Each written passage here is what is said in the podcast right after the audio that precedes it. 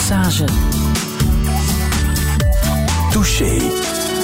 Touché met als gast Reginald Moreels. Goedemorgen. Goedemorgen. Hoe gaat het met u? Goed, goed, perfect, perfect. Want u, Even uh, goed als het weer buiten. Ja. Want u bent terug in uh, de media-aandacht gekomen, hè?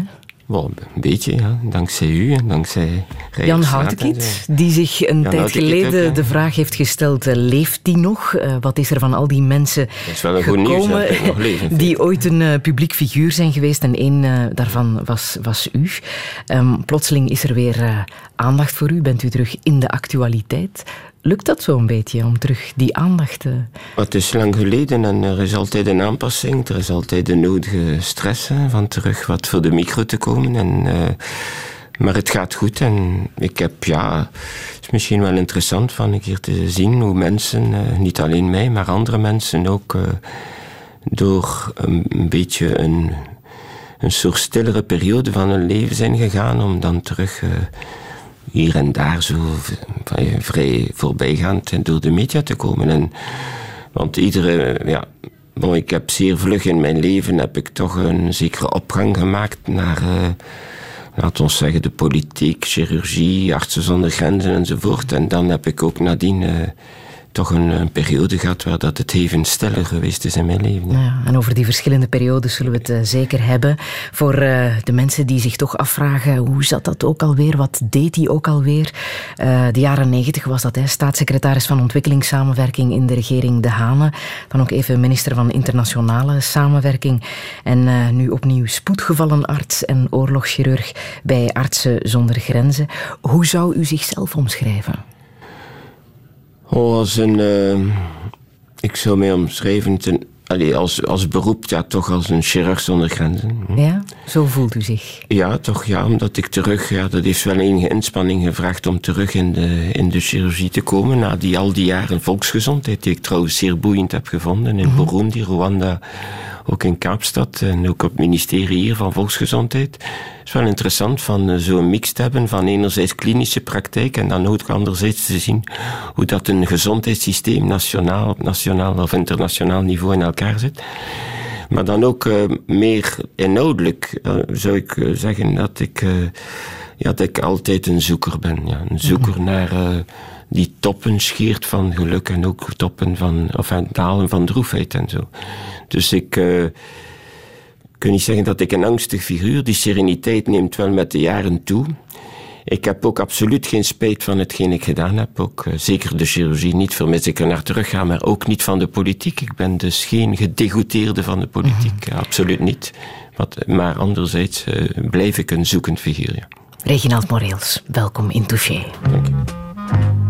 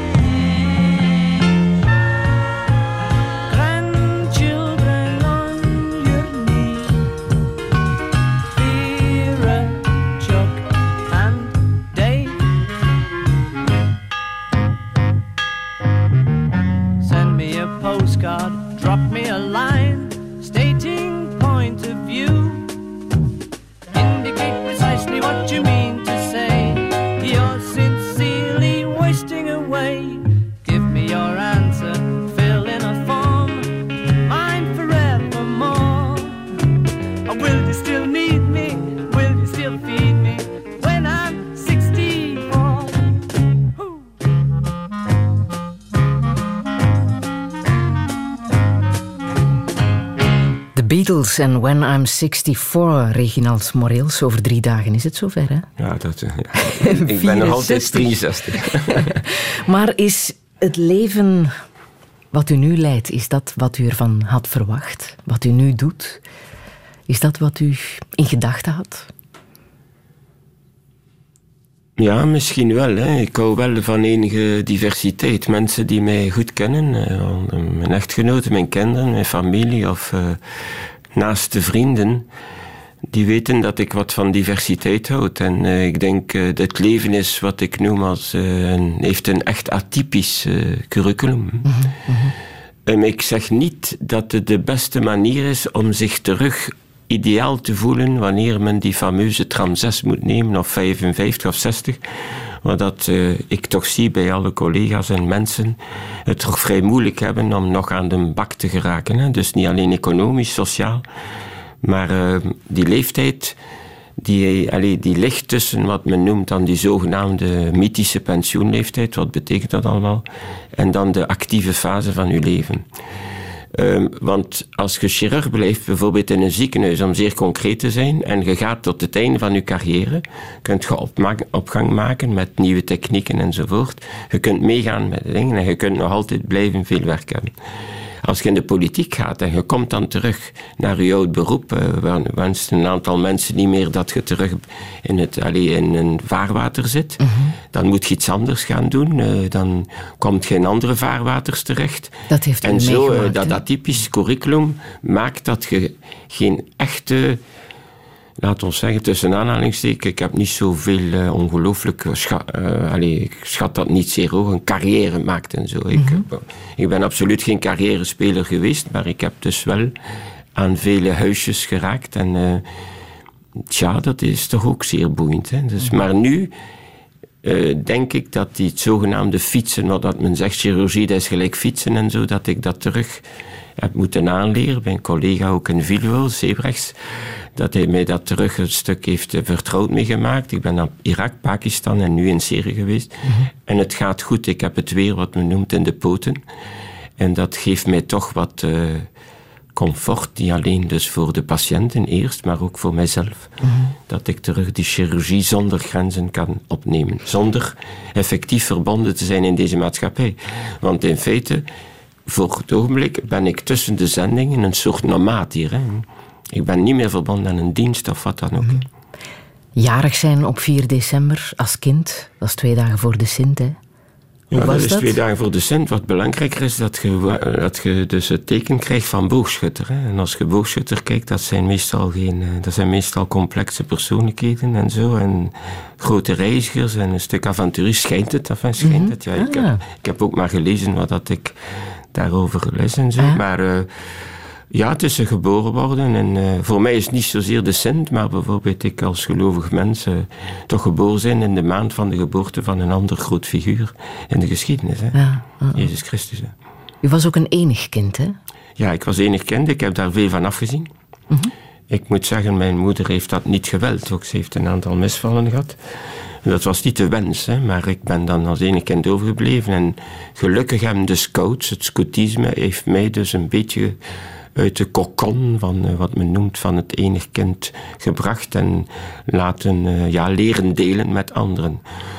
Uh, mijn opvoeding persoonlijk thuis was, we hadden niet zo'n harmonisch gezin. Uh, ik heb dat nog. Allee, ik heb mijn vader zeer vroeg verloren. Ik heb mijn vader in feite een stuk gemist. Hè. En ik mis hem nu nog. Ik heb mijn moedertje altijd graag gehad, maar uh, laat ons zeggen, het was tussen beiden niet zo'n harmonische relatie. Dus dat is niet zo prettig voor, voor een kind, zeker niet als je enig kind bent.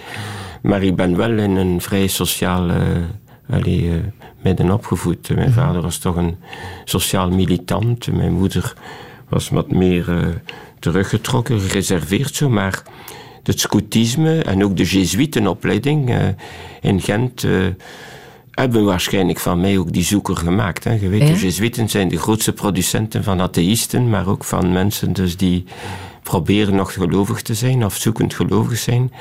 En die voeden nu op, zoals ik zeg, uh, in een eeuwige twijfel. En die trachten ook te zeggen aan de leerlingen, kijk, het ergste wat je zou kunnen meemaken is een monotoon leven. Nu, ik heb dat wel uh, gerespecteerd. um, Wilfried Martens die schreef in zijn memoires dat het uw vader was die hem introduceerde in uh, de plaatselijke CVP-sectie Sint Paulus. Ja, ja, dat is dus uw vader moet wel echt een invloedrijk man Nee, nee, nee, nee, het was niet een invloedrijk man. Nee? Ik denk, ja, het was een, een, modest man en dat vind ik ook wel zeer sterk in hem. Ik heb hem maar gekend tot 17 jaar. Hij was ook veel weg, maar hij was blijkbaar, heb ik vooral nadien door mensen gehoord, vrij sociaal geëngageerd. En hij was wel in het parlement, jurist in het parlement. Mm -hmm. Dus hij was niet uh, werkelijk verkozen des volks. Maar hij was wel uh, in het parlement uh, jurist en is dan wel op het einde een, geëindigd als hoofd van het juridisch departement. Maar het was dus een overtuigd christendemocraat. En mm. dus ook dat, dat in feite mij, na mijn politieke zijstap, die iedereen kent, terug heeft laten keren naar. Ik wou niet. Uh, allez, ik ben daarin opgevoed. Ik heb alle respect voor mensen die opgevoed zijn in een liberaal nest of een socialistisch net. En dat de echte democratische partijen. Maar effectief, uh, ik ben daarin opgevoed. Ja, maar politiek was al heel erg aanwezig. Ja, ja, politiek was wel aanwezig thuis. En ik moet zeggen, ik herinner mij ooit, maar enfin, dat zeg ik nu, dat is al lang geleden dat ik die anekdote uithaal. Maar waarom niet vertellen nu? Voor de luisteraars, vooral de mensen die de vriendelijkheid hebben van naar ons te luisteren. We hebben nu uh, dat uh, ooit in 66, uh, je weet, zo als kleine gast mocht je blijven op een maaltijd waar dat er vrienden komen, tot aan het dessert en dan moet je naar je bed gaan. Ja. En mijn vader had verteld in, aan die tafel van vrienden die kwam in ons huis daar, dat hij zegt, voilà, hier tegenover wordt, woont Wilfried Martens, hij woonde dan in onze straat ook. En uh, hij zegt, ja, ooit zal die man eerste minister worden. In 1966. Mijn vader is overleden in 68. Wilfried Martens is eerste minister geworden in, in 79. Dus het had wel een zeker. Hij heeft twee zaken gezegd die op mij een invloed hebben gehouden. Dat Wilfried Martens al voor bijna 13 jaar voordat hij het werd eerste minister was. Dus hij zag in die persoonlijkheid waarschijnlijk een toekomstig groot figuur een staatsman. Maar dan ten tweede heeft hij me ook gezegd, kijk, uh, Lumumba, Patrice Lumumba is de uh, verstandigste Afrikaan die ik ooit in mijn leven ontmoet heb, omdat hij dan ook een paar keer naar Congo was mm. geweest. Rond de jaren zestig ook namens het parlement en zo. En wat zag uw vader in u, in zijn zoon? Wat zou daarvan worden? Wel, ik heb dat alleen vernomen in een brief die hij als afscheid in, uh, na zijn uh, ziekte heeft. Uh, heeft mij dan een brief achtergelaten. En die brief heeft, ja, die heb ik nog altijd bij. Ja. En goed, ja, hij heeft dan geuit dat hij mij zeer, heeft, zeer graag zag en zo. En, ja. en effectief, ja, bon, misschien hebben we elkaar wat gemist. En dat is toch iets wat blijft nazinderen ook. Hè. Dus uh, ik wil niet, ik speel niet mee met de mensen die zeggen dat alle, uh, tussen aanhalingstekens, dat uw gedrag in het leven volledig wordt uh, beïnvloed door uw opvoeding. Maar ergens blijft de opvoeding toch achter. En ik moet zeggen, ik droom nog nu regelmatig op 60 plus hè, van uh, tafereelen die ik in mijn prille jeugd heb meegemaakt. Ja. Ah. Dat is wel iets dat ik meedraag. En de scheiding van mijn vader was weliswaar een beetje de terugkomen van de rust in het gezin. Omdat ja, het was niet zo harmonisch in het gezin. Maar anderzijds, het was een rust die veel te vroeg kwam en zo. Mm -hmm. In die tijd, uh, mevrouw Lesage scheidde men niet. Hè. Mm -hmm. In die tijd was het uh, geen gewoonte zo van... Allez, ik kwam van de burgerij, laat ons een kat de kat noemen. Dus effectief uh, was het meer ja, men moet het binnen huis houden. En ik moet zeggen, dat was nu niet op een periode van scheiding totaal, maar nu, nu zo, ze hebben de kinderen, ja, ze gaan bij een vader, ze gaan bij een moeder, maar ik heb dus ja, niet altijd dat gemak gehad van even gemakkelijk tot mijn vader of tot mijn moeder toegang te hebben, dan vermits uh, ja, die relatie niet uh, perfect. Mm -hmm. U was toen maar ik ben ze allebei jaar... zeer dankbaar voor de opvoeding. Ja. Dus ja. laat ons dat wel duidelijk zijn. Ja. U was eerstejaarsstudent geneeskunde, hè? Ja, ja. Toen, ja, ik was op 17 jaar eerstejaarsstudent en mijn vader, spijtig genoeg, is hij gestorven tussen de twee zittijden. En heeft u En, zich eh, machteloos Ik heb dan nooit gevoeld? geweten dat ik, eh, dat hij, dat ik eh, erdoor was in het eerste. Mhm. En heeft u zich machteloos gevoeld? Want u wou mensen genezen. Dat was wat u wou. Ja, ja, dus zeker iets. Bon, ik moet zeggen, als ik hem gezegd heb en als ik aan mijn moeder gezegd heb dat ik geneeskunde ging doen, ik moet zeggen, die geneeskunde. Ik heb maar twee beroepen in mijn leven willen doen: dat is buschauffeur of dokter. Ik weet niet waarom, maar enfin, ik heb nog altijd een groot respect voor buschauffeurs en ik zit graag in een bus. Ja. Maar eh, wat er ook van zei, goed, eh, dan ben ik dokter geworden. En het was een beetje de aantrek van de witte schort, want van het voorbereidende onderwijs heb ik dat, eh, die roeping gehad. En nadien heb ik dan nog iets meegemaakt, dat ik bij de Jesuiten op een zeker ogenblik heb gevraagd van binnen te treden, maar ook arts te worden. Dus arts Jesuit, en dat was in die tijd nog niet toegelaten.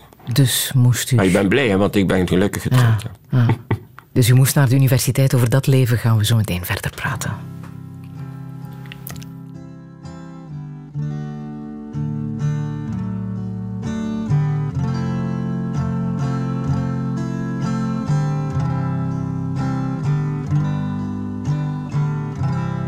Continent of Atlantis was an island which lay before the great flood in the area we now call the Atlantic Ocean. So great an area of land that from her western shores those beautiful sailors journeyed to the south and the North Americas with ease in their ships with painted sails. To the east, Africa was her neighbor, across a short strait of sea miles. The great Egyptian age is but a remnant of the Atlantean culture. The antediluvian kings colonized the world. All the gods who play in the mythological dramas, in all legends from all lands, were from fair Atlantis.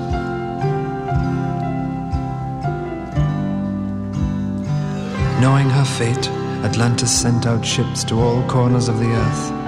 On board were the twelve the poet, the physician, the farmer, the scientist, the magician, and the other so called gods of our legends, though gods they were. And as the elders of our time choose to remain blind, let us rejoice and let us sing and dance and ring in the new. Hail Atlantis! Wait.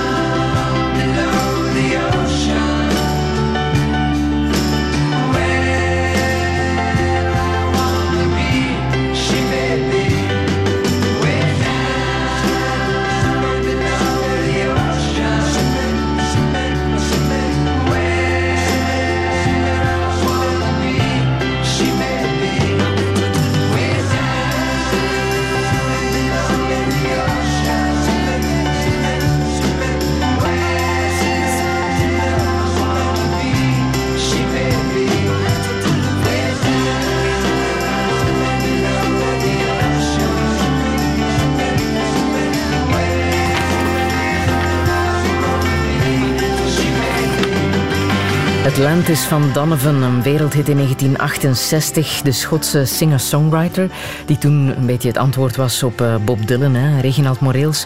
Wat zegt dit nummer over u? Het is vooral het jaar. Hè? Dus ten eerste Atlantic 68. Ocean is een beetje het eindeloosheid van de oceaan. Hè? Dus eh, ik kijk graag naar, eh, naar zee. Hè? Dat Ja. geeft perspectief en zo. Dat geeft ook een vorm van ja, oneindigheid. Alhoewel ik weet dat uh, de kosmos ook een zekere vorm heeft van, allez, van grenzen. Maar ja, en het geeft ook aan dat. Uh, ja, bon, Donovan was toch een man die ook vrij, vrij breeddenkend was. Ook in ja. de jaren 68 toch een symbool van een vorm van revolutie van de geest. En ja, ik weet, in mei 68, dat wordt enorm, enorm nu afgeketst en zo. Iedereen die daartoe behoort schijnt blijkbaar een nauwe nostalgieker te zijn. Zo. Maar ik heb uh, in de jaren, ik was dan 17, 18 jaar, heb ik in Gent ook, ja, zeer modest, ja, je weet, wij hebben dan niet veel. Uh, in Frankrijk was het hier actief, maar een beetje meegedaan met uh, de politie en traangasten en weet ik veel. Maar ik ben dan ook in feite nog in fabrieken gaan werken om te proberen. Ik geloofde in dat ideaal van studenten, arbeiders, één front en zo. We zijn nog in Bouwwater Philips gaan werken, nachtwerk en zo. En oké, dat waren perioden waar dat ik vond dat uh, er wat bewoog. Zo, ja. Mm -hmm. En waar dat jongeren zich ook een zeker ideaal konden aan, aantrekken. Niet dat daarom de liberalisering van alle normen en het alles toegelaten, toe est permis, hè, dat was een beetje de slogan.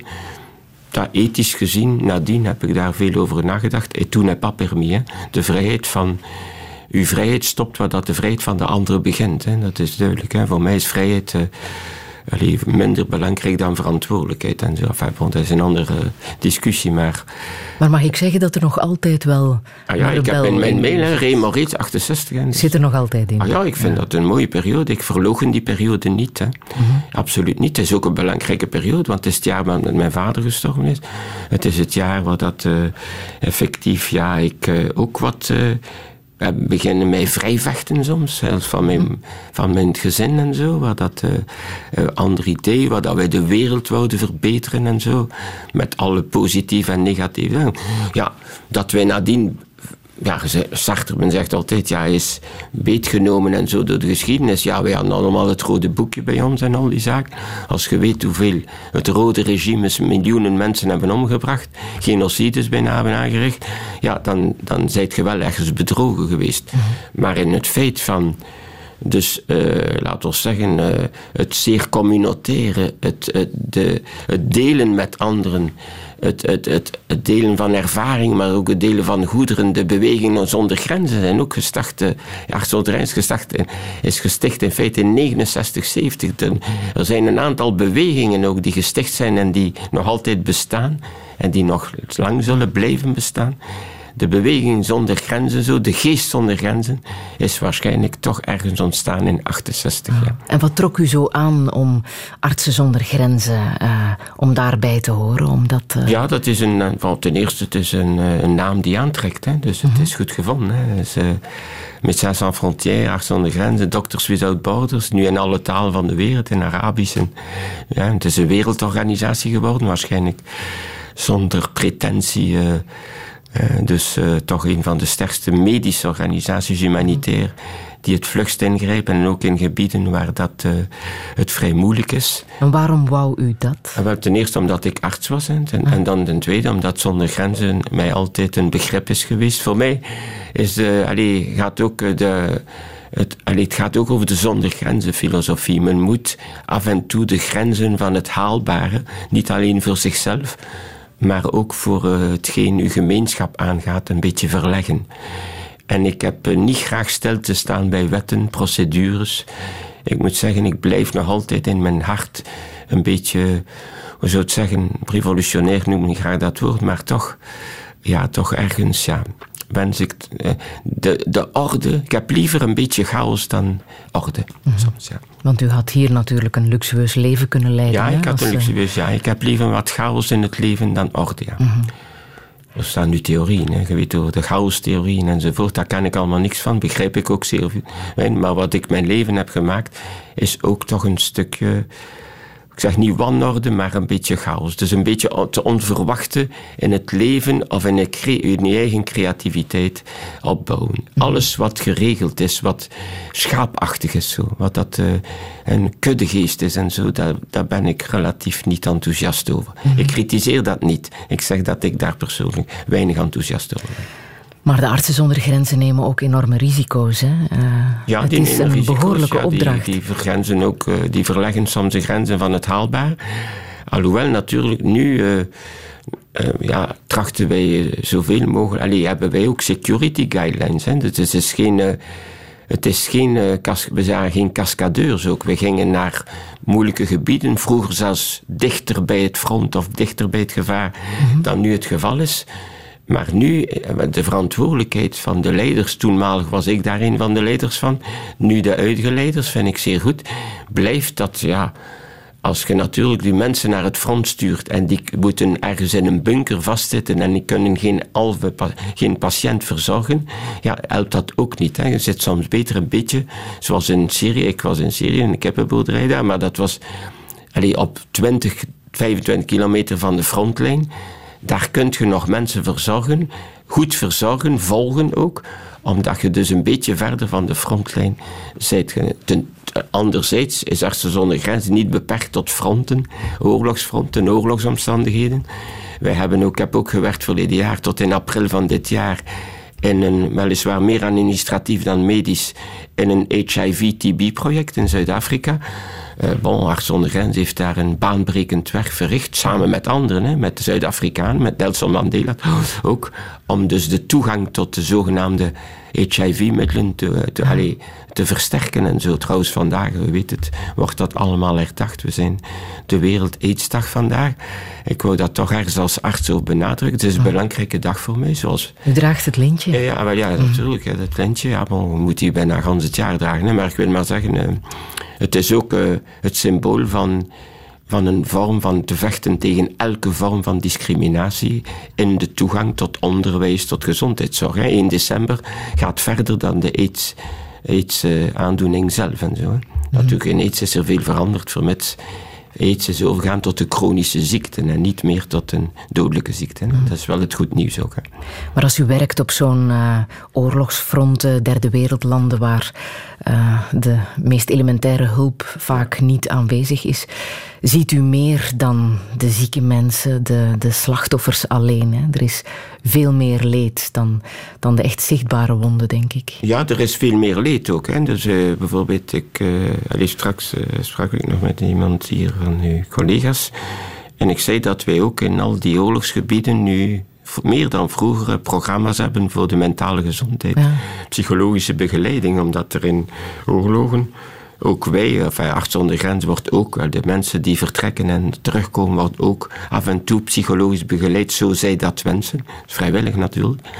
Maar dus de mensen ter plaatse, ja, bon, gelijk in Syrië, zeiden ze mij, ja, de meer en meer mensen komen naar ons met psychosen, hallucinaties, eh, dromen, dingen die zij nooit hadden verwacht in hun eigen leven. En dat is niet anders in eh, andere oorlogsgebieden waar dat wij werken.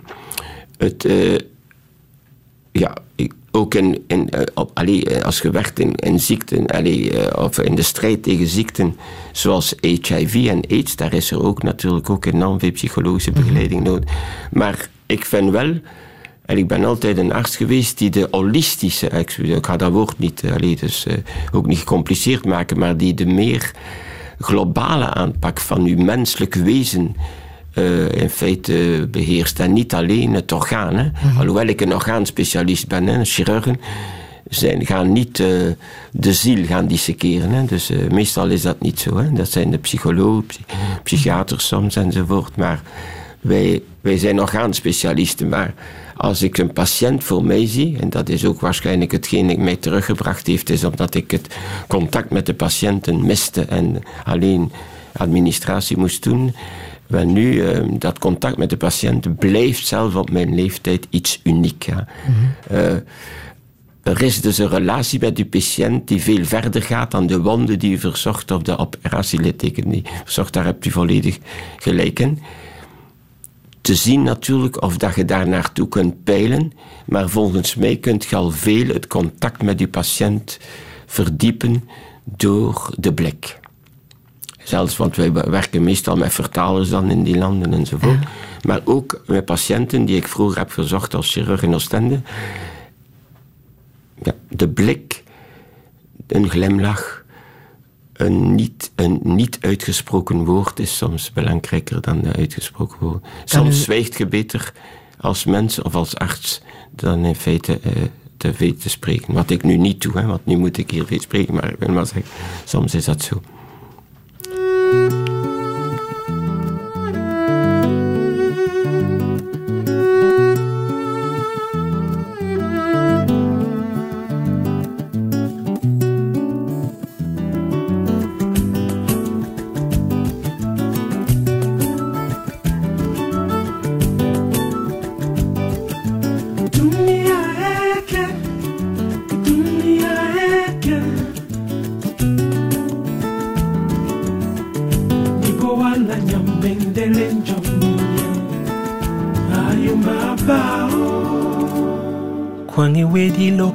Penyani losi wedi telema toinai pulisenganika mbela elangwa na miango elolombe peye wotongome baibai na bakala bawani miango dipungbola nyolonga makanende owasanji bamunja lombwande na miso alanesomba irilundu baibai indowana mulonga na lentongo osiwanisanja oh, ayumbabao tongwa ndando nyiri bodi lowodi bele iye matumba nde. Bulande na dije bulanga bwa bibel ilenga na suilende baibai idune mwongo ne mipekango omonya madalenga masusu nde. Na pudi tutamiso na nene na teite. Ala nisomba tojidubu baibai kini wana pembe wonde na pembe nyola njena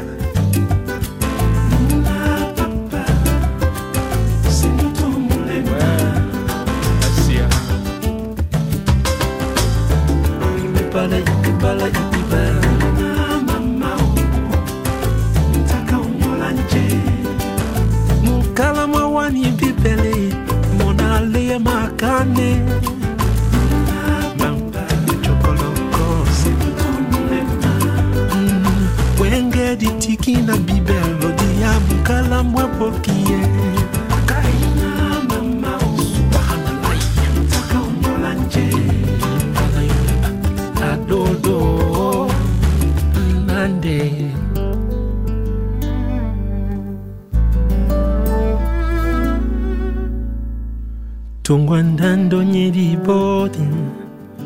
Lowoli bele inye matombande polande na dije bolanga bwa bibel inyobo laso elende baibai edune wongo ne mipekango omonya madalenga masusu nde. Na politutaniso na nene na teitei alaibemba kudum bay bay Inu bolamba iwanan le tongo.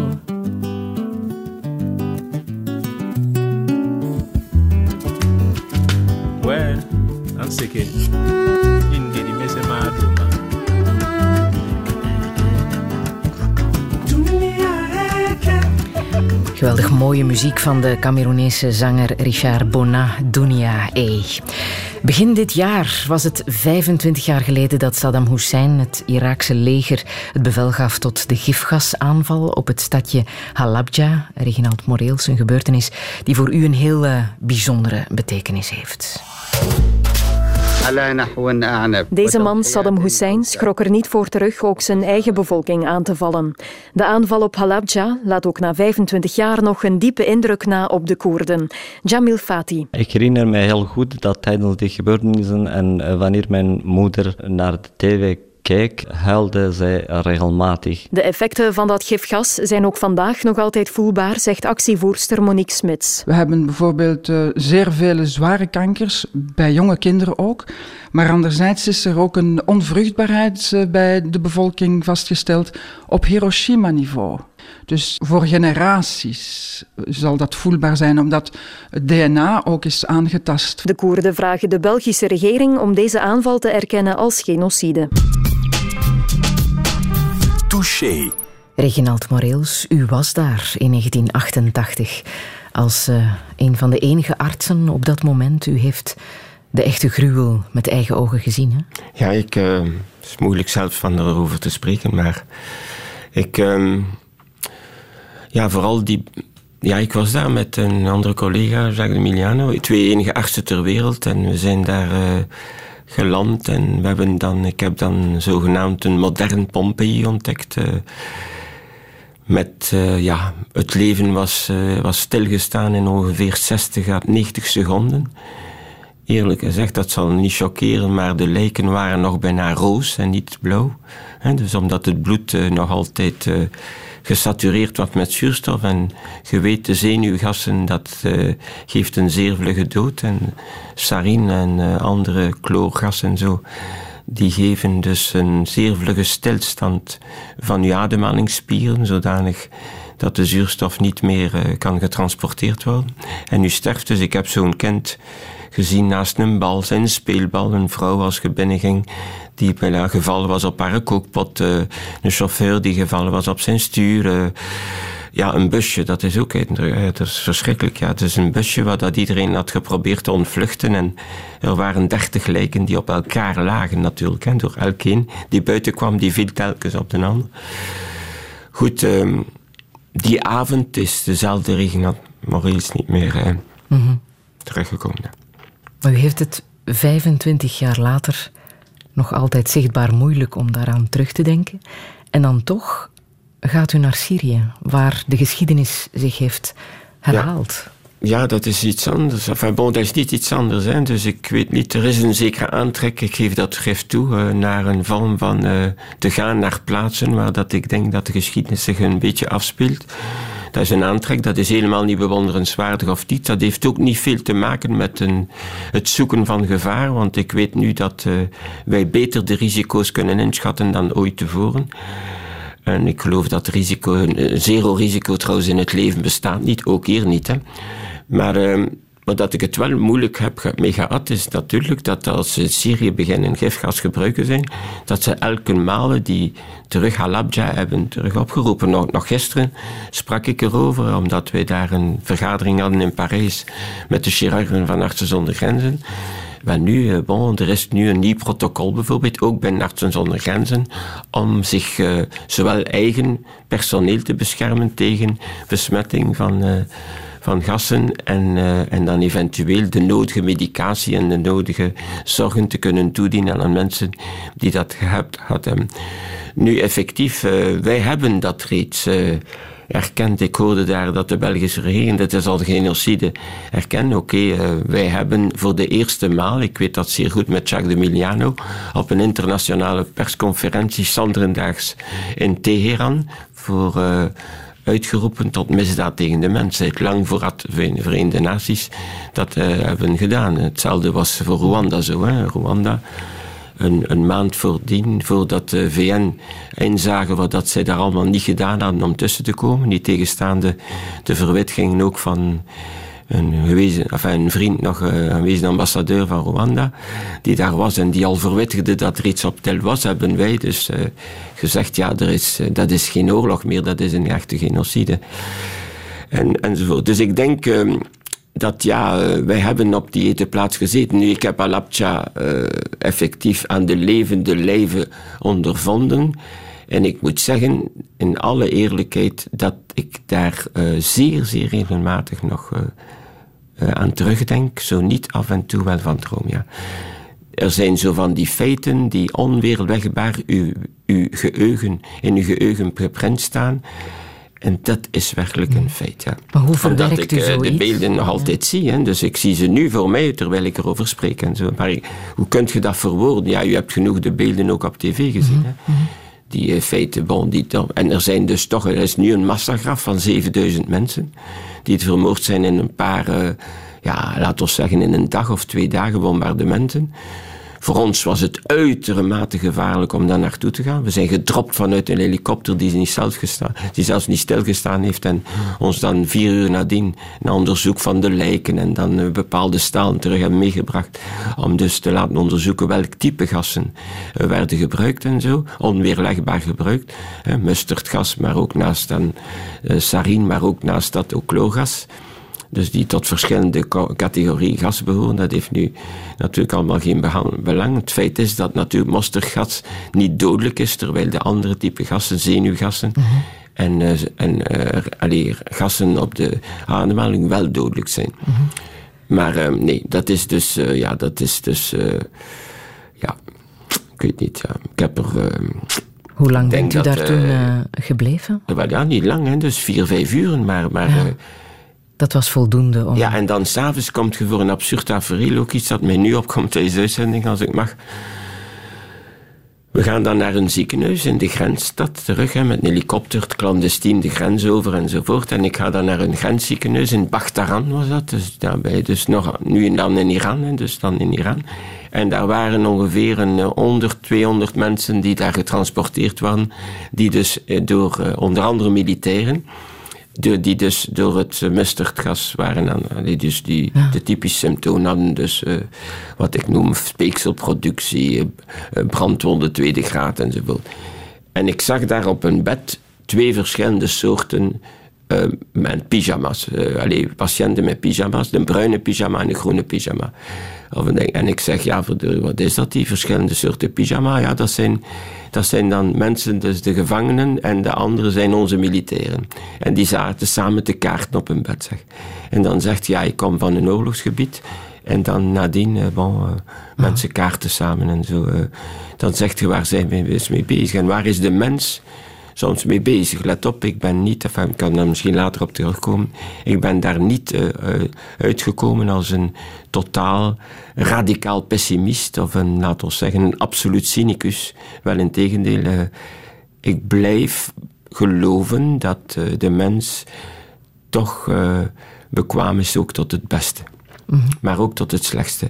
En ik denk een vergassing van mensen die weerloos zijn, is een van de ergste misdaden tegen de mensheid. Het is trouwens erkend als een misdaad tegen Maar wat is dat met de mens dat wij dat blijkbaar doen?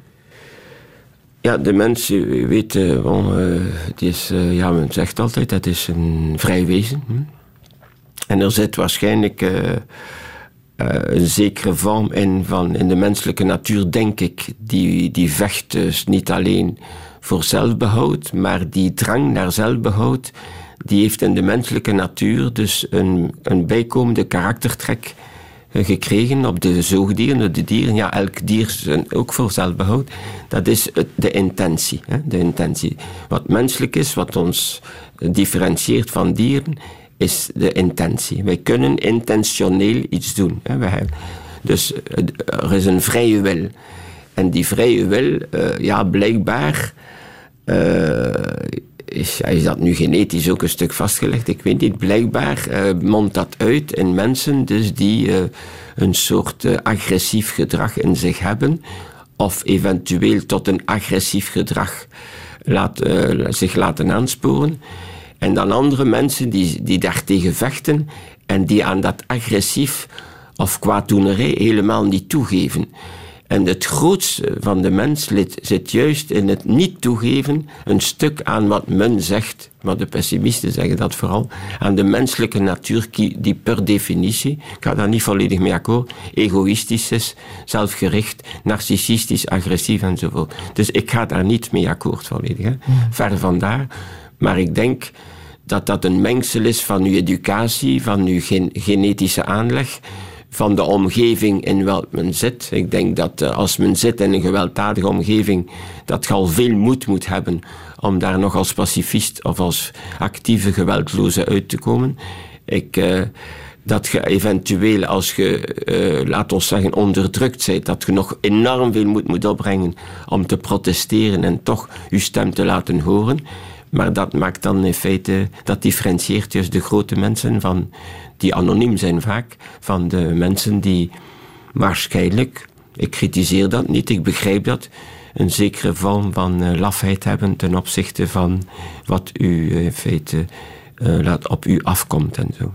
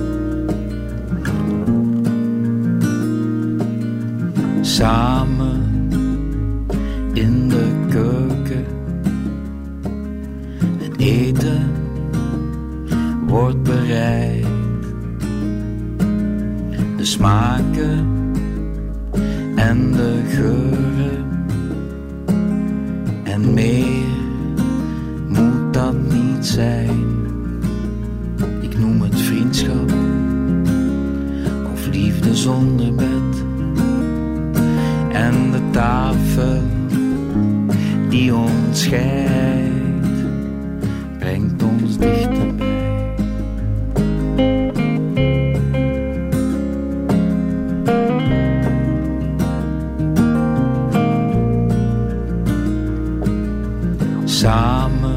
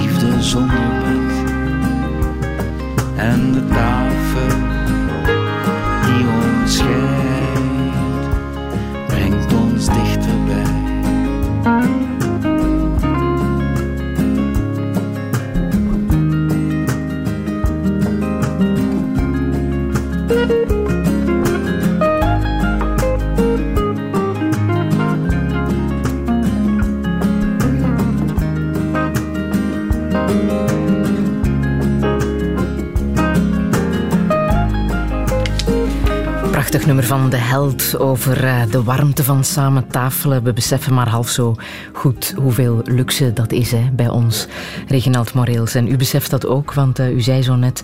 Ja, mijn vrouw, ik moet ze toch dankbaar zijn dat ik dit allemaal mag. Dat ik nog terug mag naar een land als Syrië. Ja, dat is... Uh, ja, dat is waarschijnlijk een groot geschenk hè, dat je krijgt in je leven, toch met mhm. een, partner te, te, een partner te hebben die die niet alleen dat begrijpt, maar mijzelf heeft gestimuleerd. Of die tenminste ziet uh, hoe, hoe gelukkig dat je soms bent van het te kunnen, dit te kunnen doen. Alhoewel ik u eerlijk zeg dat het mij nu, uh, het humanitaire, soms meer moeite kost dan vroeger. Hè. We moeten niet denken dat ik ook niet, wanneer ik op zending ga, met enige tranen in de Brussels Airport of in Parijs of Amsterdam Schiphol zit om te vertrekken ook. Hè. Dus uh, het, uh, het schijnen van de, het gezin we hebben ook dus een mooie stamboom kunnen opbouwen, vier kinderen, wat uh, boven het gemiddelde is in dit land. Dus, uh, en dan, nu die vier kinderen, dat het mooiste cadeau die je kunt krijgen, is dat ze goed overeenkomen. En dan met de schoonkinderen nu allemaal,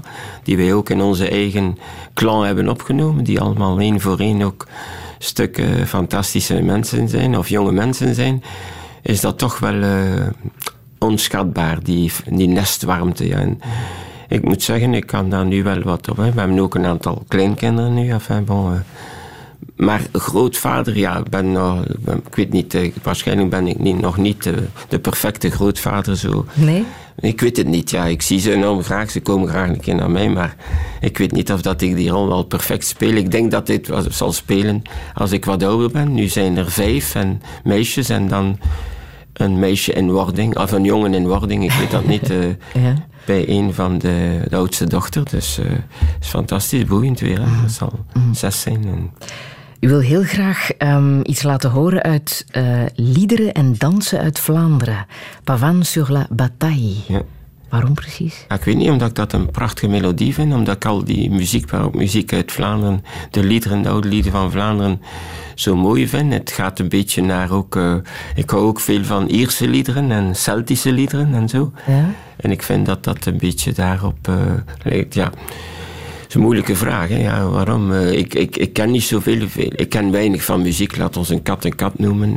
Maar um, als ik door, door een melodie allee, benoemd ben, en dat is al iets dat ik uh, luister, dan luister ik daar wel veel en dat, is, dat heb ik contact. Dat was een plaat tien jaar geleden die ik gekocht had en zo. En ik zeg ja, als ik dat nog een keer mag laten spelen, ben ik u dankbaar.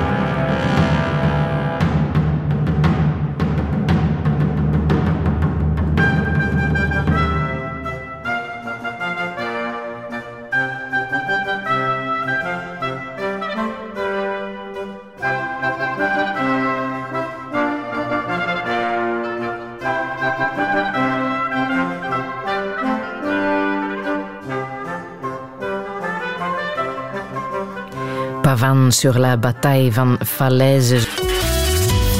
Radio 1. Friedel Lesage. Touché. Touché vandaag met Reginald Moreels. In de jaren 90 liet hij zich opmerken als staatssecretaris van ontwikkelingssamenwerking in de regering De Hane. Daarvoor was hij acht jaar voorzitter van Artsen zonder Grenzen, grenzen die hij nu opnieuw opzoekt. Derde wereldlanden en oorlogsgebieden, waar je als mens schaamt voor zoveel gruwel, zoveel leed. In alles is hij de mei 68er gebleven, de idealist die gaat voor een betere wereld, koste wat het kost. En het heeft hem wat gekost. Daarover hebben we het nog in dit tweede uur van Touché. Een zeer goede middag.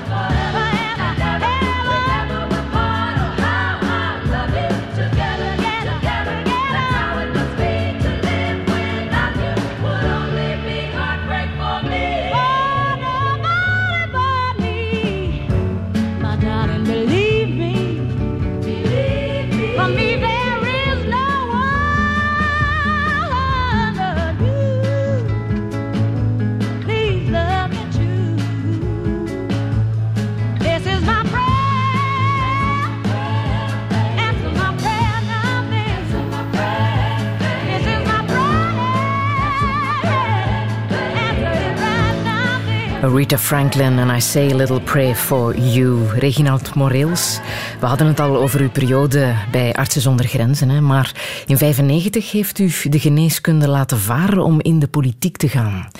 Wist u toen waar u aan begon, toen ze u vroegen om staatssecretaris van ontwikkelingssamenwerking te worden? Nee, dat is gebeurd op een, uh, een namiddag waarop dat ik consultaties deed. En dan belde de voorzitter van uh, de partij mij op om te zeggen: Ja, kan ik u een keer spreken? Zo. En dan, ja, dan wordt je effectief gebombardeerd tot uh, regeringslid. En dan heb ik nog zonderdaags een operatie gedaan. Uh, en dan ben ik van de operatiezaal in feite vertrokken naar het paleis voor de eet aan de koning af te leggen. En ja, dat zijn dingen in uw leven die uh, weliswaar, mijn associé is daarmee akkoord gegaan. Ook, uh, ik durf bijna niet thuiskomen om het te vertellen, om te zeggen, ja, bon, het is toch een wending in uw leven. En effectief, het heeft... Uh, de politiek op zichzelf heb ik, ik heb ten eerste dan ja, dus, uh, zeer vlug ja, een departement gehad dat uh, vrij interessant was. Natuurlijk vrij moeilijk, omdat ik overrompeld werd door al de schandalen van 30 jaar ontwikkelingssamenwerking in België dan. En ehm, die heb ik allemaal moeten ervaren. Hè. Dat is daarmee dat ik mensen heb gehad die dus daar mee meegegaan zijn en enthousiast mee meegedaan. En ook mensen die mij verafschuwen. Hè. Omdat als hervormd uh, hebt je niet één. Er zijn vele mensen die zeggen hij heeft onze privileges afgesneden. Maar toch denk ik dat de, nu de wet, de nieuwe wet van 99 op ontwikkelingssamenwerking, die nu terecht wordt geamendeerd en geamendeerd enzovoort. De Belgische technische coöperatie die daaruit gekomen is. Dat, uh, goed, dat dat de dingen zijn die toch fundamentele, de minste de structuur in ons land uh, wat zuiverder hebben gemaakt. Weliswaar blijft het debat, mevrouw Lesage, over het nut van ontwikkelingssamenwerking. U kunt ook spreken over het nut van de humanitaire hulp. Ja, voor mij is humanitaire hulp een ethische, onaantastbare plicht. En ontwikkelingssamenwerking in elke maatschappij is een eeuwig onvoltooide symfonie, zoals ik zeg. Maar ik denk uh, dat uh, indien de ontwikkelingssamenwerking zich wat zou, laten we zeggen, uh, losmaken van al die nieuwe procedures, technocratische en bureaucratische aanpak dat het weliswaar naar de essentie zou kunnen gaan van tenminste de mensen te helpen die door de mazen van een sociaal net in andere landen zijn gevallen. Want uh, hier zijn dan mensen die, dus de mensen die echt uit de, echt de armen zijn, degenen die door de mazen vallen van het OCMW. Maar in vele van die landen is er geen OCMW. OCMW dat is het zijn familiale solidariteit, of een klansolidariteit, of ergens een vriendenkring, of een bepaalde spijtig genoeg illegale handel, waar dat je wat meer geld verdient mm -hmm. in korte tijd en zo. Maar uh, die, die, die, die mensen helpen voor toegang tot onderwijs, deftige gezondheidszorg en dus een degelijke infrastructuur, water- en elektriciteitsvoorziening, de essentiële, de basisrechten van een mens. Daarvoor dient ontwikkelingssamenwerking. Ik ben niet, ik behoor niet tot degenen die denkt dat ontwikkelingssamenwerking echt een land of een maatschappij leert ontwikkelen. Voor zover natuurlijk ontwikkeling wat wil zeggen ook. Hè. Mm -hmm. Want ik denk, uh, allez, we moeten niet te pretentieus zijn. Onze maatschappij heeft ook nog veel ontwikkeling nodig en zo om, laten we zeggen, tot een vorm van beschaving te komen. Hè. Maar bent u toch trots dat u die aanzet heeft kunnen geven? Ja, die, toch... tenminste op de structuur. Ik heb ook een ander paradigma dus trachten in te voeren, dat ontwikkelingssamenwerking moest evolueren naar, samenwer- naar het ontwikkelen van de samenwerking tussen mensen. Wat dat er daarvan overblijft, in alle eerlijkheid, ik heb nog van de week een bepaalde conferentie meegemaakt over, laten we zeggen, uh, laten we zeggen de zogenaamde complexiteit van de hulp. Ik denk dat dat altijd wat sporen nalaat. Maar ik vind dat de sporen van de ideeën hebben moeten, uh, we zeggen, uh, het onderspit aan het delven zijn voor de bureaucratie en de technocratie waarmee dat uh, niet alleen de onze, maar in Europa de ontwikkelingssamenwerking uh, mee te kampen heeft. En mensen willen alles schieten in procedures, zero risico's inbouwen, dat zijn een bende, dat is totaal onnozel, dat is intellectueel niet argumenteerbaar trouwens, intellectueel kan dat niet, zero risico inbouwen, want je moet je aanpassen aan de omstandigheden. En ik heb ook in gans mijn periode in Burundi en Rwanda mij moeten aanpassen en mijn project project moeten aanpassen aan de omstandigheden die ik meemaakte daar ter plaatse. Als u dat niet meer kunt en dat vastgeroest is, vastgeroest in procedures, en ik begin daar weer lyrisch over, dan denk ik dat wij absoluut verkeerd bezig zijn. Wat niet wil zeggen dat ontwikkelingssamenwerking voor mij een domein is dat terug een beetje meer op de voorgrond in de maatschappij moet komen. Weinig mensen spreken daarvan. Financieel is het niet zo goed. Ja, bon, men is teruggevallen op die ontwikkeling. Maar het gaat niet alleen over het geld. Het gaat over, over de aanpak en het respect voor in feite andere gewoonten, andere procedures, andere normen van het land waar u gaat werken. Ja. Uw gedrevenheid bent u nog niet kwijt. Ja, sorry voor de micro, maar dat, dat is helemaal niet erg. Maar was u, was u gemaakt als mens om in de politiek te stappen? Ik, ik weet niet. Ik, ben niet. ik behoor niet tot de echte politieke middens. En ik ben altijd beschouwd, ook in de maatschappij en ook de wereld van de politiek, als de niet-politieker. Geen echte politieker, zoals ze zeggen. Karakterieel Goed. zelfs niet geschikt. Ja, waarschijnlijk een beetje. Ja, men zegt hij is te gevoelig en hij is te kwetsbaar enzovoort. Dat is allemaal wel mogelijk. Oké, okay, dan is het zo. Hè. Dus, maar ik heb geen enkele spijt van die periode meegemaakt te hebben, omdat, uh, laten we zeggen Kijk, als arts en als chirurg, wat er ook van zij, heb je toch een zekere vorm van vakidiotie. Hè? Enfin, je bent toch altijd gespecialiseerd op je vak. En in de politiek gaan opent, laten we zeggen, uw, uw geest en uw hart ook voor vele andere domeinen. Hè. De economie, internationaal, publiek recht. Hoe zitten ambtenarijen in? Hoe werkt een staat? Wat is een staatsbudget? Uh, uh, laat ons zeggen, hoe, en, dan natuurlijk nog ontwikkelingssamenwerking, enfin, internationale samenwerking, zelfs op het einde als, als ministerie zelf. Maar nu, dat is werkelijk een domein dat u dan opent naar samenwerkingsverdragen, internationale diplomatie. ik heb toch allee, ook allee, bepaalde zaken kunnen realiseren voor mensen ook persoonlijk, uh, buitenlandse studenten, beurzenbeleid, uh, universitaire samenwerking. Maar heeft u iets geleerd uit de politiek? Ja, ik heb geleerd dat, ja, ten eerste heb ik geleerd dat je daar ook veel positieve krachten in vindt. Mensen die mhm. zeer hard werken, die vrij verstandig zijn. Ik weet dat het niet in de, in de allee, dat het nu een van de beroepen is of van de domeinen is die het meest, minst gewaardeerd wordt, samen met de kerken.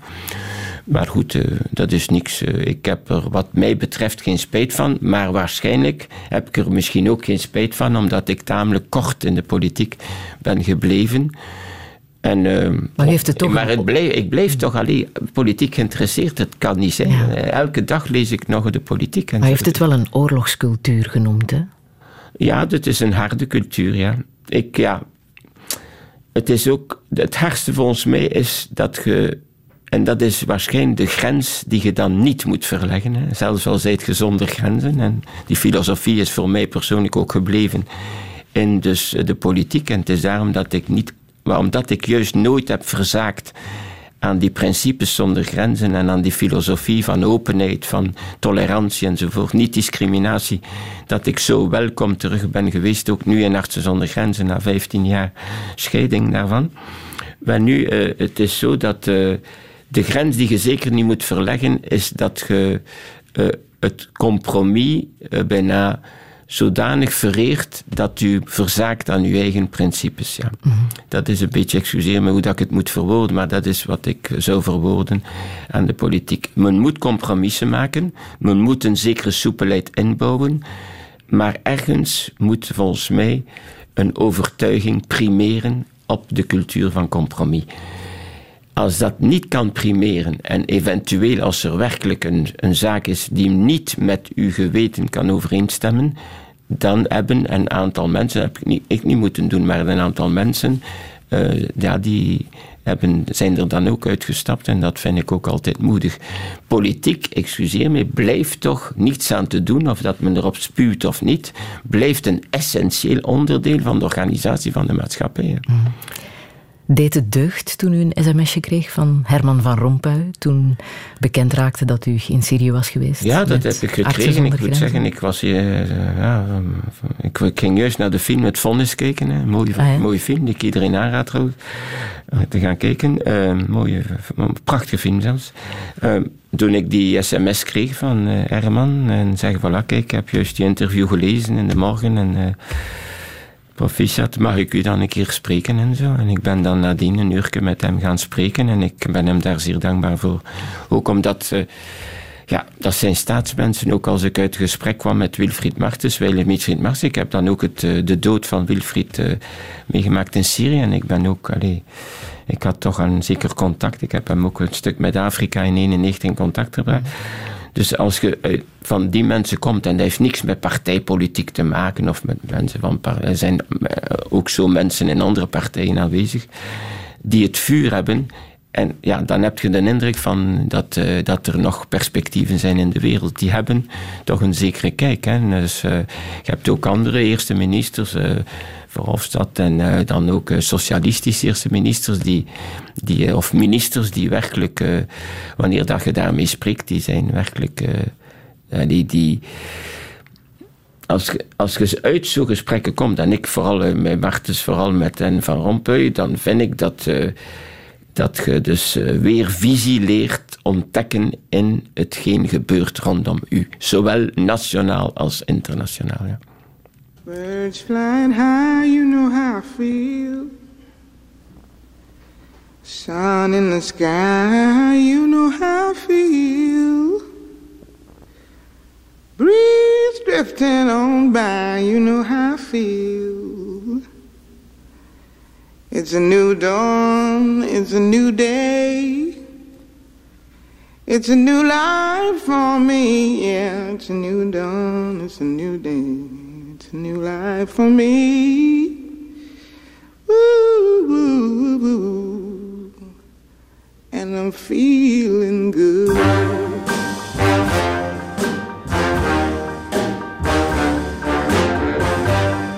Fish in the sea, you know how I feel.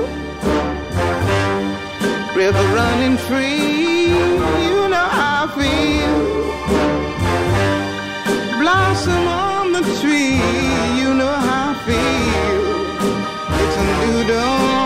it's a new day, it's a new life for me, and I'm feeling good.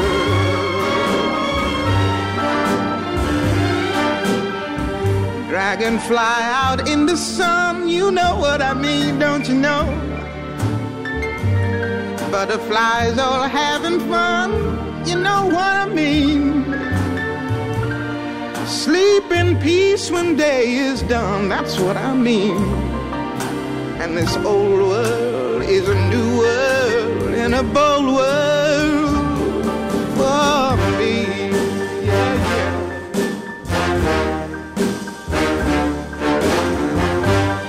Stars, when you shine, you know how I feel. Scent of the pine,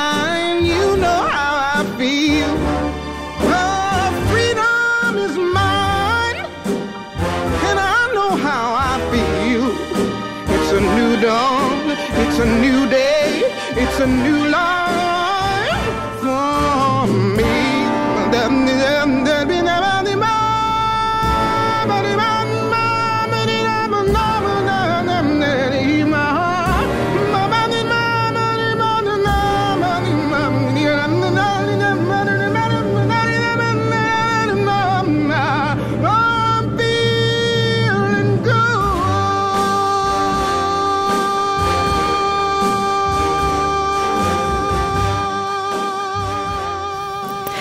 Nina Simone en Feeling Good. Reginald Morels, toch het belangrijkste in het leven. Hè?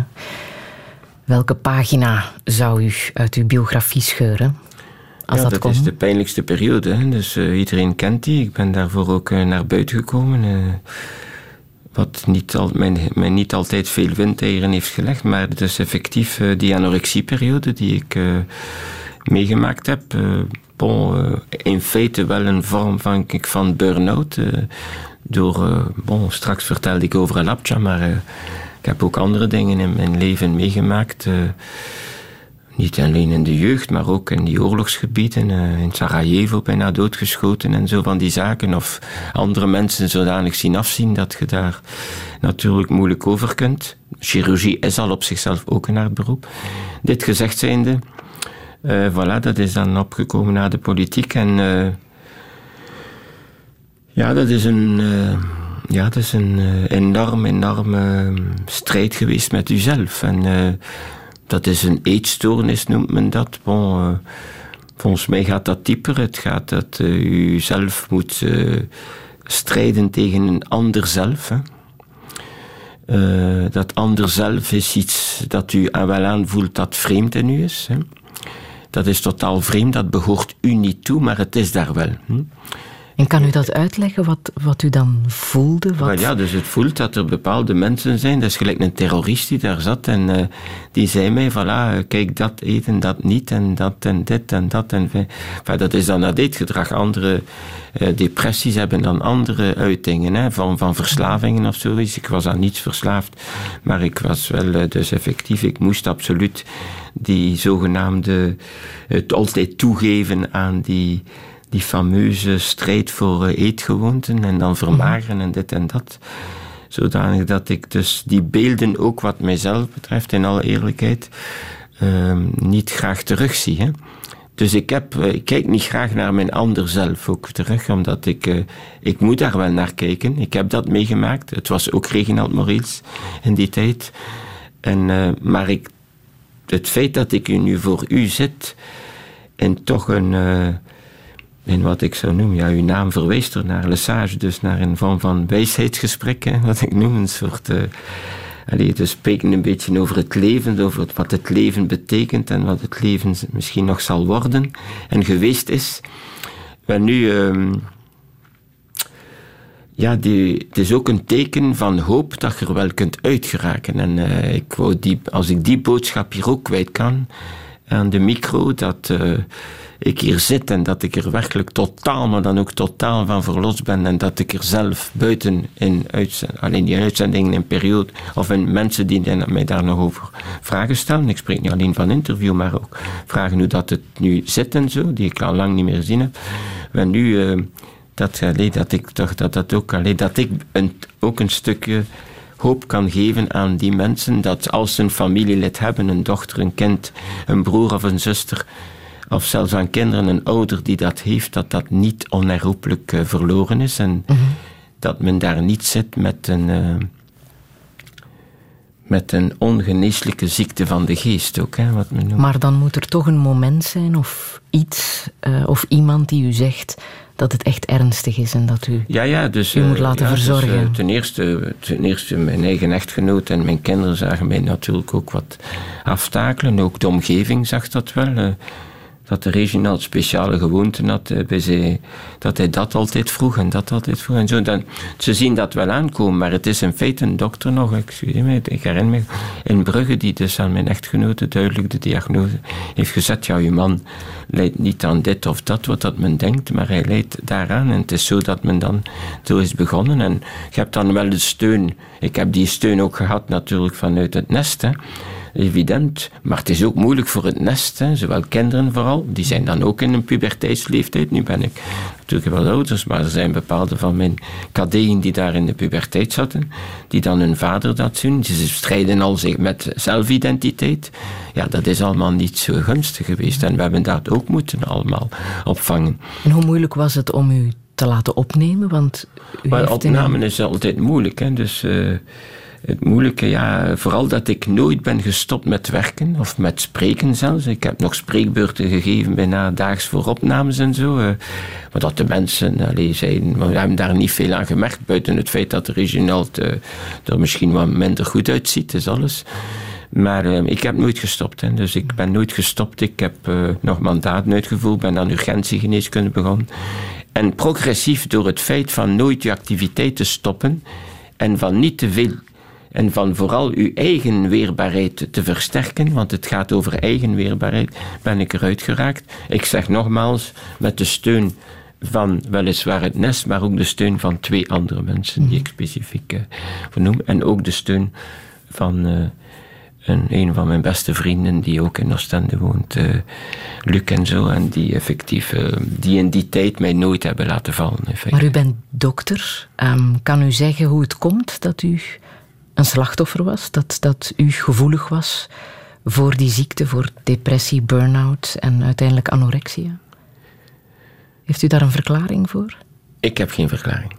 En de mensen die daar boeken over schrijven, eh, bon, het is moeilijk, eh, zijn de enige eh, verklaring die men aan al die boeken over eetstoornissen schrijft, is dat het, eh, dat het eh, de sluipend binnenkomt, dat er een soort negatieve, eh, een negatief eh, conflicting mind zit in u, zo, een negatieve geest, maar eh, dat het perfectionisten zijn dat het sociaal geëngageerden zijn en dat het niet bij de domste behoort. Dat het, enfin, kan ik moeilijk van mezelf zeggen, hè, intelligent of niet, want er zijn verschillende soorten intelligentie. Eh, dit is natuurlijk wel een gebrek aan wat ik noem dus, een vorm van emotionele en spirituele intelligentie. Hè. Dus van, maar de, nadien heeft me dat des te meer uh, openge... Allee, dit heeft mij ook enorme persoonlijke, zelfs tot het intiemste van mijzelf, perspectieven gegeven over uh, het geloof, over niet alleen het geloof, maar ook over uh, het mens zijn, over het goede en het kwade, waarover dat we in het begin van de uitzending mm -hmm. hebben gepraat en zo. En het zet u wel aan tot uh, nadenken en... Bon, een van mijn hobby's is nadenken. Ik zeg niet dat ik een grote denker ben, ik ben ik helemaal niks. Maar ik wil maar zeggen dat ik graag denk. En dat denken, mijn, voor mij ook lezen, denken, maar ook denken en fietsen. Lezen, denken en fietsen zijn de drie hoofdhobby's voor mij. Mm -hmm. Maar nu dat ik uh, graag nadenk over de zin van hetgeen ik doe. Terug zou doen en over de zin van hetgeen mij vooral ook omringt in feite. Want het is niet alleen over mijzelf, maar over hetgeen mij omringt. Over de feiten die mij omringen. Laten we het daar zo meteen nog even over hebben.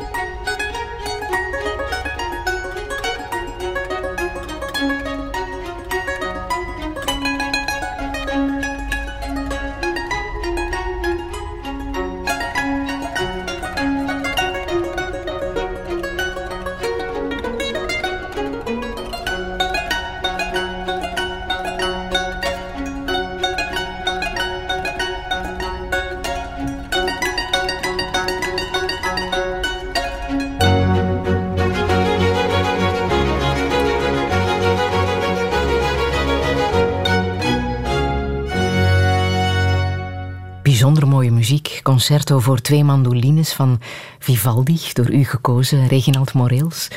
Omdat die mandolines u zo intrigeren. ik weet niet, omdat je die weinig vindt in, eh, Ja? in, eh, in dingen. Heb ik graag instrument. Iets dat men weinig vindt, moet ik altijd hebben. ja. Ja. Sorry, dat is het karaktertrek misschien. Is eh, dat ook de reden waarom u eh Thich Nhat Hanh bent gaan opzoeken? De Vietnamese monnik in eh, de abdij van eh, Orval? Daar samen met... Nee, in de abdij. Dus het was in Plums Village in het zuiden van Frankrijk. Ah, ja. waarin, eh, Ah. ik ga ook graag naar Orval. Dat is een andere zaak. Naar de abdij vooral van Orval. Die heeft voor, betekent voor mij wel iets. En daar heb ik ook veel geschreven en gedacht. En ik heb die monniken graag. Het is daar trouwens nog een Syrische monnik ook trouwens nu. Maar, ehm, waarom precies? Wat, wat zocht ja, daar? dus een Thich Nhat Hanh in feite, dat is een...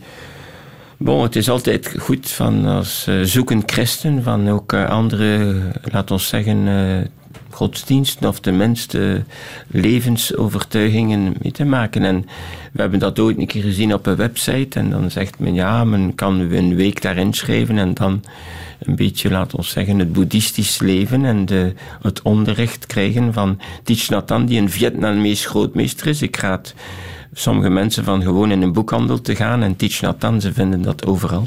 Die man heeft al meer dan 150 boeken geschreven. Is ook een zeer eenvoudige man. Ik is trouwens nog de enige uh, laten we zeggen, Vietnamese balling die het politbureau in Vietnam nog niet toegelaten heeft van zijn land terug te keren. Hij is nu ouder dan 80 jaar. Het is ook al tien jaar geleden dat ik daar geweest ben met mijn echtgenoot. En we hebben daar een mooie week gehad en vandaar dat ik ook ontdekt heb dat bijvoorbeeld hij zelf gezegd heeft dat de Jezusfiguur en de Boeddha-figuur, alhoewel absoluut geen fysische gelijkenis, maar dat in feite dat hij ook dus uh, de, allee, heeft een boek geschreven over de, de gelijkenissen tussen beide figuren. Want wij behoren tot een meer een profetische godsdienst. Hè? Enfin, we allee, dus mensen die geloven zijn profeten. Islam, christendom en jodendom zijn profetische godsdienst. En dan heb je natuurlijk hindoeïsme, boeddhisme, taoïsme zijn meer levensfilosofieën die effectief een bepaald gedrag en een bepaalde leegte in jezelf trachten te stimuleren via meditatie. Uh, en dat je, zodanig dat je probeert van een soort persoonlijk, uh, laat ons zeggen, uh, losmaken van het lijden te hebben. Het is geen egoïstisch gedrag. Ik had ook graag ge gekozen, een beetje, omdat die man een, een aanhanger is, niet van het individueel of het individualistisch boeddhisme, maar van het sociaal boeddhisme. Dat wil zeggen, hij is altijd zeer begaan met de, de mensen rond zich en de meditatie mag toch geen, laat ons zeggen, een, een, alleen een middel zijn om uzelf zonder rekening weer te houden, los te maken, laat excuseer mij, van uw omgeving. Het moet absoluut nog in contact blijven met je omgeving. Nu, dat is iets dat mij aansprak, omdat ik persoonlijk ook de, de, allez, de grote stroming filosofisch van de jaren 1930, naast liberalisme, socialisme, communisme, is ook minder bekend, maar het personalisme opgekomen. En personalisme, dat heeft ook zijn oorsprong gevonden in de sociale strijd van Daans, priester Daans. En laten we zeggen, heeft ook nadien dus uh, opvang van de christendemocratie. Wel nu, um, het is een filosofische stroming en nu, ik ga maar een paar namen noemen. Dat is bijvoorbeeld de burggraaf in Leuven, die kent zeer goed Levinas. Hè. Levinas, de fameuze filosoof, die trouwens veel te moeilijk is voor mij, maar enfin goed, oké.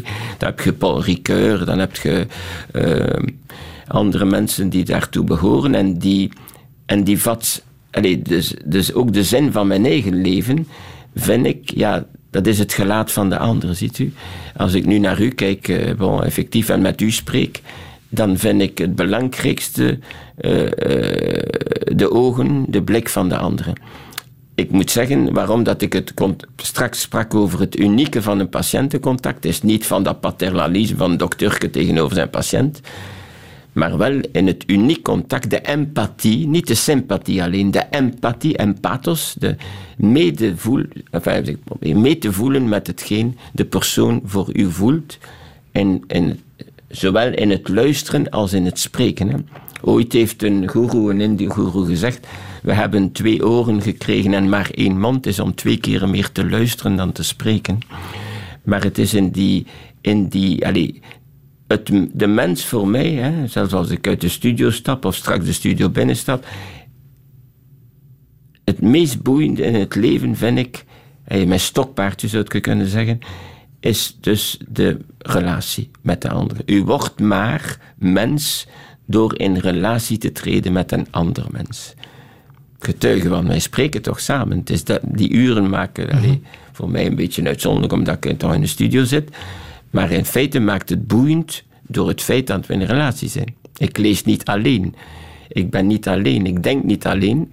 Het denken ook kunt je zeer gemakkelijk uh, communiceren of uh, trachten te delen met andere mensen. Maar het personalisme zegt duidelijk, als je het samenvat, bon, het is veel moeilijker dan dat, maar zegt, voilà, men wordt maar meer mens door de, uh, het individu wordt een persoon als hij in relatie treedt met de ander. Ja. En wat in Levinas, dat is echt revolutionair, sinds Plato en Aristoteles, is natuurlijk dat Levinas zegt dat het zelf niet bestaat. Hè? En dat in feite maar het zelf, zelf wordt als u juist het ander zelf, het, een, een ander zelf ontmoet. En dat je maar bestaat via het gelaat en de blik van de ander. Le visage de l'autre. L'altérité commence par l'autre, gezegd. L'altérité, dus het anders zijn. Hè. Waarin gelooft u? Ah, ik geloof, eh, bon, misschien nog een van de laatste der. Ja, bon, eh, als christenen in de catacomben, wat ik noem. Met wat we in absolute minderheid zitten.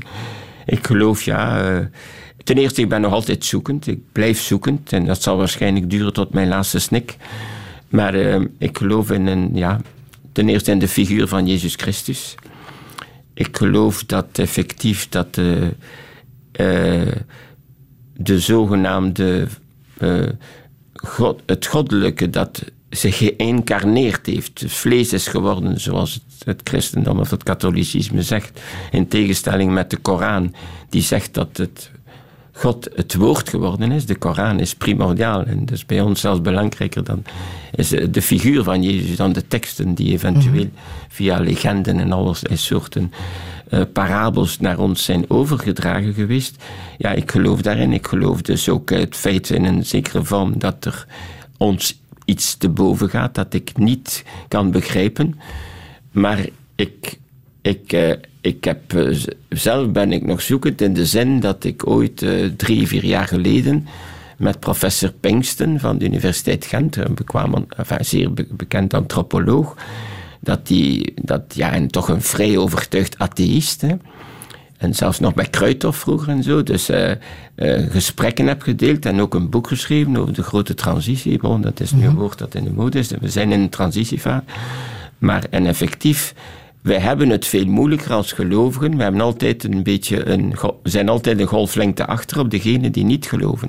Want degenen die niet geloven, het is veel gemakkelijker om het bestaan van God, laat ons zeggen, in twijfel te trekken of te zeggen dat het niet bestaat, dan te zeggen dat het wel bestaat. Nu, Maar heeft u ooit het gevoel gehad dat er een God was? Ja, ik heb dus een godservaring gehad. Eh, bon, zijn, er is een boek, De Spirituele Intelligentie, Spiritual Intelligence, dat ik iedereen aanraad. Dat is al twintig jaar oud, van Dana Nohaar en, en eh, haar echtgenoot. Die spreekt over effectief het- de neurofysiologie van, eh, van, eh, van, van, eh, van de godspot. En van, ik heb ooit een, een godservaring gehad. Of dat men mij daar nu vooruit lacht of niet. excuseer, dat komt misschien eigenaardig over nu als ik daarover spreek. Maar ik heb wel mij gevoeld in een, bon, een, een, een tijd lang in een vorm ja, van. Eh, niet als een zwevend figuur, weliswaar goed op de grond, maar dus toch in een, een zekere revelatie van oneindigheid. Ja. Als ik zo mag uitdrukken, excuseer me, het is niet gemakkelijk om dat te beschrijven.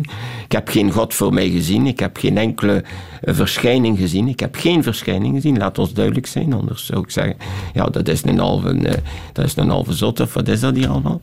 Maar ik heb eh, wel gevoeld dat ik dus in, eh, ja, dat, dat er een teken tot mij kwam tot om te zeggen, kijk, eh, hetgeen waarin u nu gelooft of waar u naar zoekt, dat is wel iets dat zou kunnen bestaan. Was dat ook op een bijzonder moment? Nee, dat was gewoon een, bij een wandeling door een dorp in feite. Maar dat was geen groot meditatiemoment, integendeel. Integendeel, het is vrij onverwachts gekomen. Het was ook niet tijdens de periode waar dat ik dus die anorexie had en zo, waar dat men zou kunnen zeggen, ja, dat zijn bijverschijnselen. Dus, want ik weet dat er bepaalde mensen zeggen dat het, het godsbewustzijn zeer dicht staat bij het psychotisch gedrag en zo. Maar ehm, oké, ehm, nee, en ik moet zeggen dat mensen die, allee, de grote atheïsten, die hebben daar ook respect voor. Ik heb al nooit, nooit een woord spot gehoord van bijvoorbeeld iemand zoals een, allee, toch iemand die ik eh, bijzonder waardeer, Rick Pinkston, en andere atheïsten die ik ontmoet heb. Ik moet zeggen, ik spreek ook graag met mensen die een andere opinie hebben. Maar ik denk nu dat men in feite in het geloof moet, ik, moet je de, niet de keuze maken, maar heb je de keuze tussen mensen die meer geloven in een kosmische goddelijkheid. Een beetje gelijk Spinoza was. Een beetje een natuurgoddelijkheid. En dat er effectief iemand was die misschien de Bing Bang is nog niet volledig. Is wel een fenomeen. Iedereen weet mathematisch wat dat, dat betekent. Maar effectief, wat is er dan voorgegaan aan de Bing Bang? Ja, de tijd bestond dan niet, zegt men. Maar hoe is dat allemaal zo ordelijk verlopen dat een mens zo ineen zit. Excuseer mij, als wetenschap of als dokter weet je hoe, hoe ingenieus een oog en oor in elkaar zit, hoe een lever werkt, hoe, hoe alleen een darm werkt, hoe alleen hersenen, al die activiteiten in hersenen, miljoenen cellen die met elkaar in contact staan, hoe is dat allemaal wel mogelijk? Men zegt dat dat allemaal louter evolutief is en ik zal, de evolutietheorie is zeker absoluut een onweerstaanbaar, alleen, onweerlegbaar, excuseer mij, gegeven, maar dat sluit absoluut niet uit dat er ergens ook een grote, een, een, een bovennatuurlijke kracht is, energie zou ik zeggen, met een grote, met een hoofdletter, die door de wereld gaat. Dat zijn veel mensen geloven nu meer daarin dan in een persoonlijke God in feite. Ik geloof toch uh, sterk in de Jezusfiguur en ik denk dat de Jezusfiguur toch ergens een, uh, ja, een stuk goddelijkheid in, zich dra gedragen heeft. Bon, het is ten eerste toch eigenaardig. Maar als ik nog twee dingen kwijt mag, effectief. Ja dat mensen met een gelijkvormig intellect, zoals bijvoorbeeld een atheïst en ikzelf, gelovig arts, wij hebben ongeveer, we zijn niet bij de slimste, we zijn niet bij de domste. We horen tot de gooscurve van de intellectuele normale, normale uh, profiel. Dat de ene gelooft en de andere niet gelooft. Maar dat wij rationeel toch dezelfde, dezelfde allez, laten we zeggen, hetzelfde aantal neuronen hebben werken in ons hersenen enzovoort.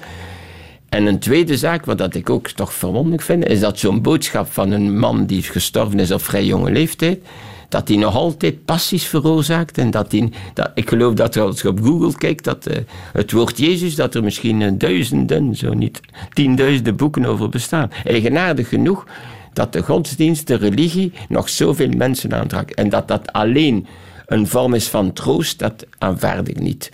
Ik vraag nooit, niet speciaal. God is voor mij geen troost in moeilijke momenten enzovoort. Nee.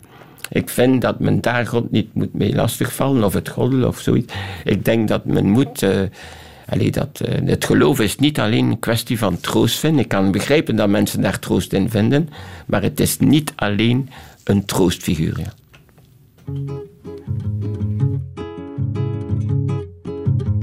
Solidão é lava que cobre tudo amargura em minha boca. Sorri seus dentes de chumbo, solidão, palavra cavada no coração, resignado e mudo no compasso da desilusão. Desilusão,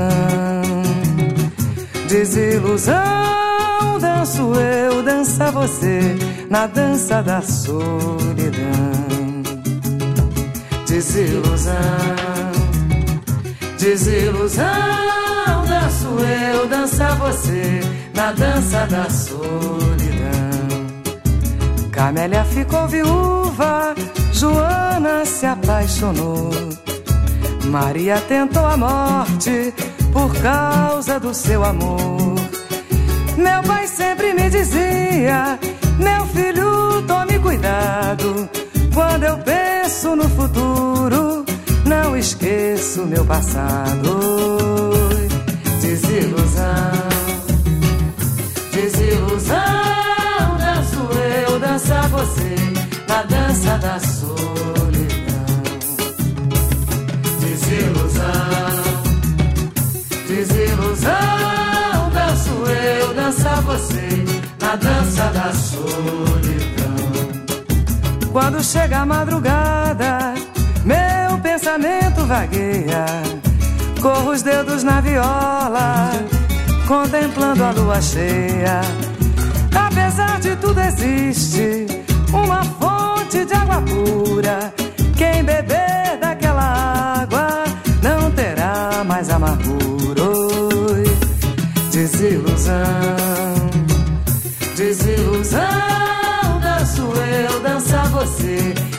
dança da solidão.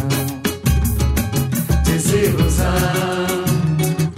desilusão, danço eu, dança você na dança da solidão.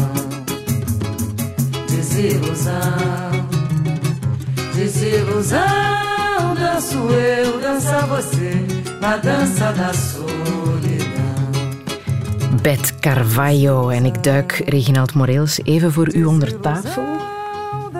Want ik heb hier toch iets klaargezet. Ik kon u niet zomaar laten gaan zonder een flesje bubbels voor uw verjaardag, die u over een paar dagen Dank mag u, eh, opdrinken. Of was u iets anders van plan op uw verjaardag?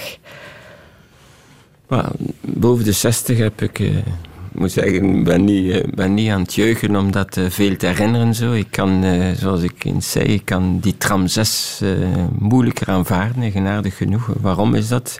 Ik weet dat ik biologisch dat het moet, maar eh, mentaal, eh, pff, mentaal, aan, mentaal ben ik er niet. Wat zou u nog willen? Ja, bon, toch eh, nog veel lezen, fietsen en denken. Dat is één zaak. En ten tweede eh, proberen ook van eh, ja, het combineren van toch die humanitaire ja, zendingen, ook met eh zonder, Arts zonder Grenzen. En verder die, toch proberen van nog nuttig te zijn op mijn gebied dan, het chirurgisch gebied. En dat ook te delen met eh, mijn gezin en vooral ook een aantal mensen eh, die ik zeer genegen ben. Wat is er van uw kinderen geworden? Oh, van alles. De oudste is, eh, die werkt in het ziekenhuis, die is chirurg. De andere medisch secretaresse. De andere is, eh, doet, eh, is een businessman in bepaalde planten in Oost-Congo. En dan de, de vierde is een, is een kok in een restaurant in Oostende, in een tierroom in Oostende. En de schoondochter is in een andere tierroom. Dus we hebben van alles. En dat maakt het... eh, en de andere is informaticus in een ziekenhuis, de schoonkinderen. En de andere is professor aan de universiteit. Dus we hebben van alles. En dat vind ik ook zeer mooi. In onze familie is dat er... eh, de eenvoud van, eh, ja, dat hebben ze wel een beetje van ons geleerd. Hè. Dus bij ons wordt pretentie niet toegelaten. En niets houdt u hier, want eh, u bent van plan om naar Oost-Congo te trekken. Ja, ik, op 4 februari ga ik terug weg en eh, ja, ondertussen heb ik nog andere bezigheden. Ik doe het af en toe wachten, urgentie wachten en ik ga ook assisteren en nog altijd veel voor en zo. Welke boodschap zou u hier nog de wereld willen insturen? De boodschap die ik wil, ja, is één woord, eh, blijven zoeken. Mhm. Blijven zoeken naar de zin van hetgeen u doet. Eh, dat is, ik denk, de mooiste... ik kan u alleen zeggen dat dat eh, zeer aangenaam is. En elke dag misschien opstaan met het... eh, moet zijn dat Reginald dat kunt zeggen. Dat weten dat je nog niets weet. Hè. U wilt graag Les Prêtres laten zingen. Ja, ja, ik vind de preter, ja, dat zijn drie priesters die bijna evenveel succes hebben. Volle zalen, die zeer populair eh, rockzangers zijn geworden. En die hebben mooie klassieke muziek wat eh, naar hun eigen zin. Ik denk ook dat de kerk zich eh, zeer dringend ook wat gaat moet moderniseren. Ook, hè. Aha. U heeft dit laten horen op een bijzonder moment, hè? Ja, ik heb eh, van een van de, ja, de platen ook op het moment van de, van de begrafenis van mijn moeder. Toen ik in Burundi was, enfin, ik heb ze nog gezien. En, ja, je hebt maar één moeder. Hè. Le